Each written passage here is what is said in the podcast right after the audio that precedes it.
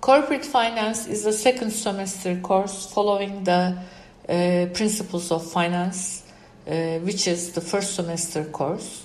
Uh, the students uh, will continue uh, learning financial management uh, in detail, and in the second semester course, the students will basically focus on capital budgeting and cost of capital topics in capital budgeting and project evaluation topics, the students will learn about the net present value, the internal rate of return, the modified internal rate of return, along with the payback period and discounted payback period methods.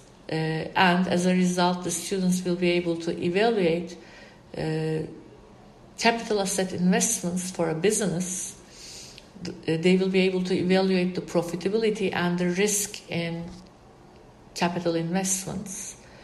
Then the semester will continue uh, with cost of capital calculations and evaluating the weighted average cost of capital for a business organization. Uh, students will also learn about the capital structure.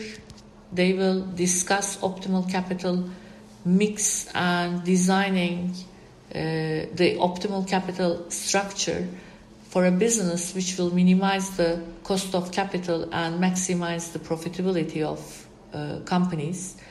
Again, we will spend quite effort in evaluating the riskiness in project investments and risk evaluations in cost of capital topics.